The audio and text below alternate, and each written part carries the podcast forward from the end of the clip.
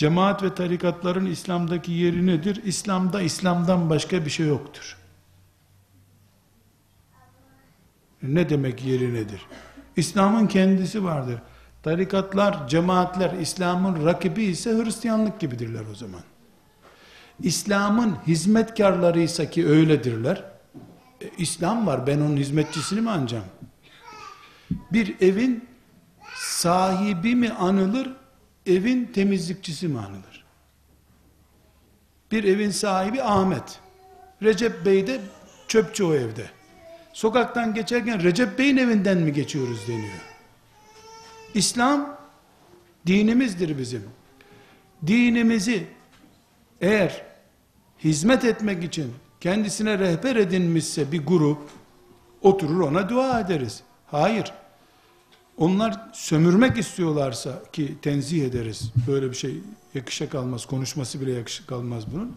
Böyle bir derdimiz yok bizim. Almanya'da bir arkadaş arabasıyla beni bir yere götürüyordu. Hocam seni çok sevdim dedi.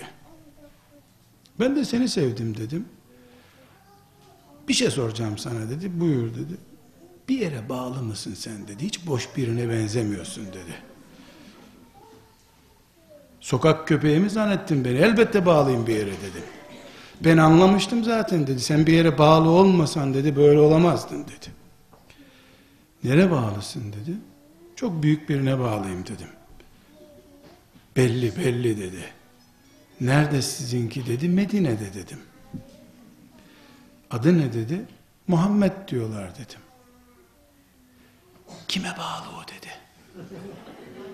O da Rabbine bağlı dedim. Allah mübarek etsin dedi. Birden frene bastı sonra. Mercedes ile beni götürüyordu. Sen dedi peygamberimizi mi kastettin dedi. Dedim başka şeyh bulamadım dedim. Ya biz kime bağlıyız biz gavur muyuz dedi. E dedim sen sanki Müslüman mısın der gibi sorarsan hak ettiğin cevap buydu. İmanımı beğendin, hocalığımı beğendin. Yahu ne güzel konuşuyorsun dedin. Kur'an okudum ağladın. Sana ne nere bağlı oldum? Çok mu önemli nerenin üyesi olduğum? Gördün ki imanım hoşuna gitti. Müslümanlığım hoşuma gitti. Boşlukta bulunursan herkes seni sahiplenir. Bu bizimdi der. Mesele nereden kaynaklanıyor? Kur'an yetmiyor. Hadisler yetmiyor. Ebu Hanife'nin derdini anlamıyorsun. Birine nüfus kağıdını vereceksin, sigorta edecek seni. Buysa tarikat, kimse kimsenin tarikatına girmesin. Ama biraz önceki hanımefendi sorusunda olduğu gibi, ben bir arkadaş bulamıyorum.